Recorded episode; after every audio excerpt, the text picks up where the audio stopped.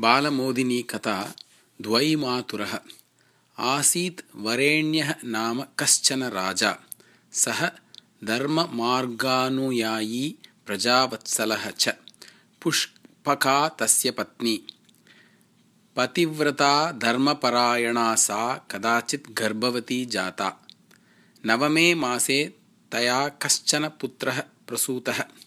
सः आसीत् विलक्षणः चत्वारः हस्ताः आसन् तस्य। मुखे दन्दुरता अपि दृश्यते स्म।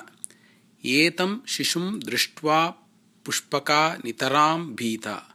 राज्ञा अपि विलक्षणशिशोः जननं ज्ञातं सः अचिन्तयत् यत् एषः शिशुः कुलस्य हानये स्यात् इति।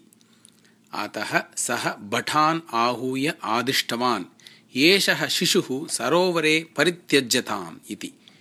भटाः राजाज्ञां यथावत् पालितवन्तः। सरोवरस्य समीपे आसीत् पर्श्वमुनेः आश्रमः। प्रतिदिनं तं सरोवरं प्रति सः स्नानार्थम् आगच्छति स्म। एवं स्नानार्थम् आगतः सः शिशुं दृष्ट्वा नितरां विस्मितः जातः। केन अयं शिशुः अत्र परित्यक्तः स्यात् एषः तु परमात्मस्वरूपः इति भासते। मम अनुग्रहाय एव भगवान् शिशुरूपेण अत्र उपस्थितः अस्ति इति भाति। इति विचिन्त्य ज्ञानचक्षुषा शिशोः परमात्मस्वरूपत्वं निश्चित्य तं शिशुम् आश्रमं प्रति अनयत् सः। तस्य मुनेः पत्नी दीपवत्सला।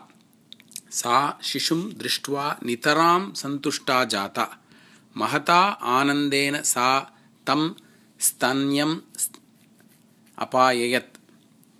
एवं जन्मदात्री पोषयित्री चेति उभे मातरौ स्तः इत्यतः। सः बालः द्वैमातुरः इति ख्यातः जातः